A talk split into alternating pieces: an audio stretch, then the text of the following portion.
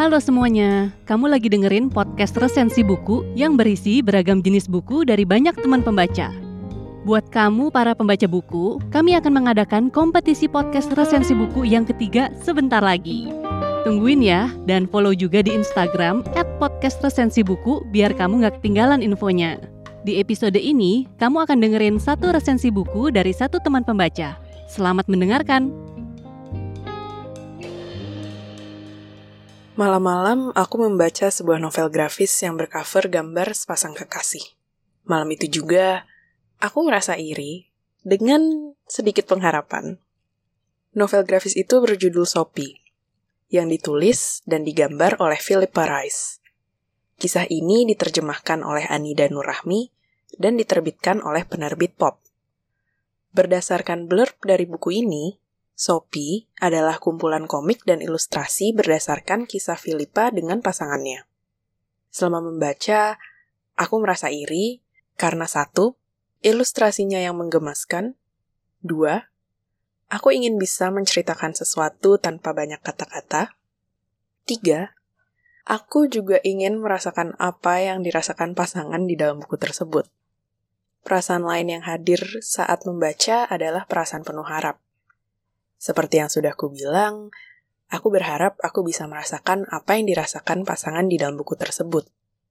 Sophie menggambarkan bagaimana sebuah hubungan tidak melulu harus serius.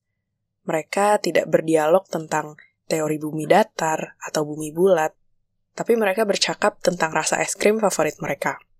Bahkan, dalam novel grafis ini tidak terlalu banyak dialog yang terjadi.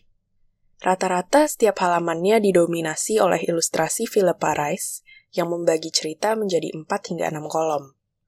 Selain itu juga, ada cerita yang disajikan dalam bentuk lain, seperti ilustrasi dalam satu halaman, atau satu spread, dua halaman kanan kiri yang disambung.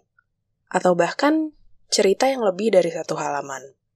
Walau setiap ceritanya tidak memiliki judul terpisah, Sophie bisa dibaca secara bersambung dengan memiliki keterkaitan antara satu cerita dan cerita lain, atau bisa dibaca secara sendiri-sendiri. Dengan cara membaca yang berbeda, perasaan yang diberikan Sophie kurang lebih sama. Hangat, dan tetap membuat iri. Mungkin buku ini akan lebih cocok untuk orang-orang yang sudah memiliki pasangan. Apabila ingin memberikan hadiah buku lucu pada pasangan, Sophie bisa jadi pilihan kalian. Sebab, Philippa Rice pun mendedikasikan buku ini untuk pasangannya, Luke Pearson. Dengan memberikan Sophie pada pasangan, gestur tersebut bisa menjadi bentuk apresiasi kalian kepada mereka.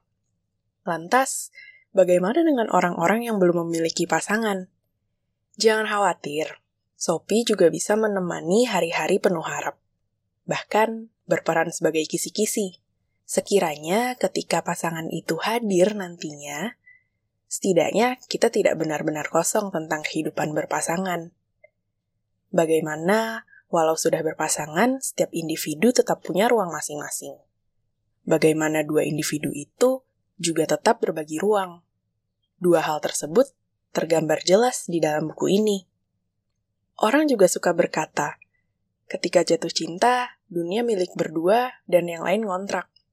Sophie memberikan kesan tersebut. Setiap halamannya mengandung dunia yang begitu jauh dari pembaca, karena kedekatan pasangan tersebut begitu lekat dan tidak bisa diganggu-gugat. Di sini, pembaca hanyalah pembaca. Kita memperhatikan mereka dari luar gelembung yang mereka buat bersama. Oh iya, catatan tambahan. Kalau kalian suka warna merah, aku yakin Sophie akan semakin memikat hati. Ilustrasi di buku ini dominan menggunakan warna merah. Mungkin terdengarnya akan pedas di mata, karena melihat warna merah yang meramaikan halamannya. Akan tetapi, kenyataannya saat aku membaca buku ini, warna merahnya bisa diterima dengan baik oleh mataku. Philippa Rice memasangkan warna merah dengan warna putih, hitam, dan abu-abu. Dengan permainan warna yang begitu, gambar-gambar Philippa Rice tidak begitu mencolok dan melelahkan mata.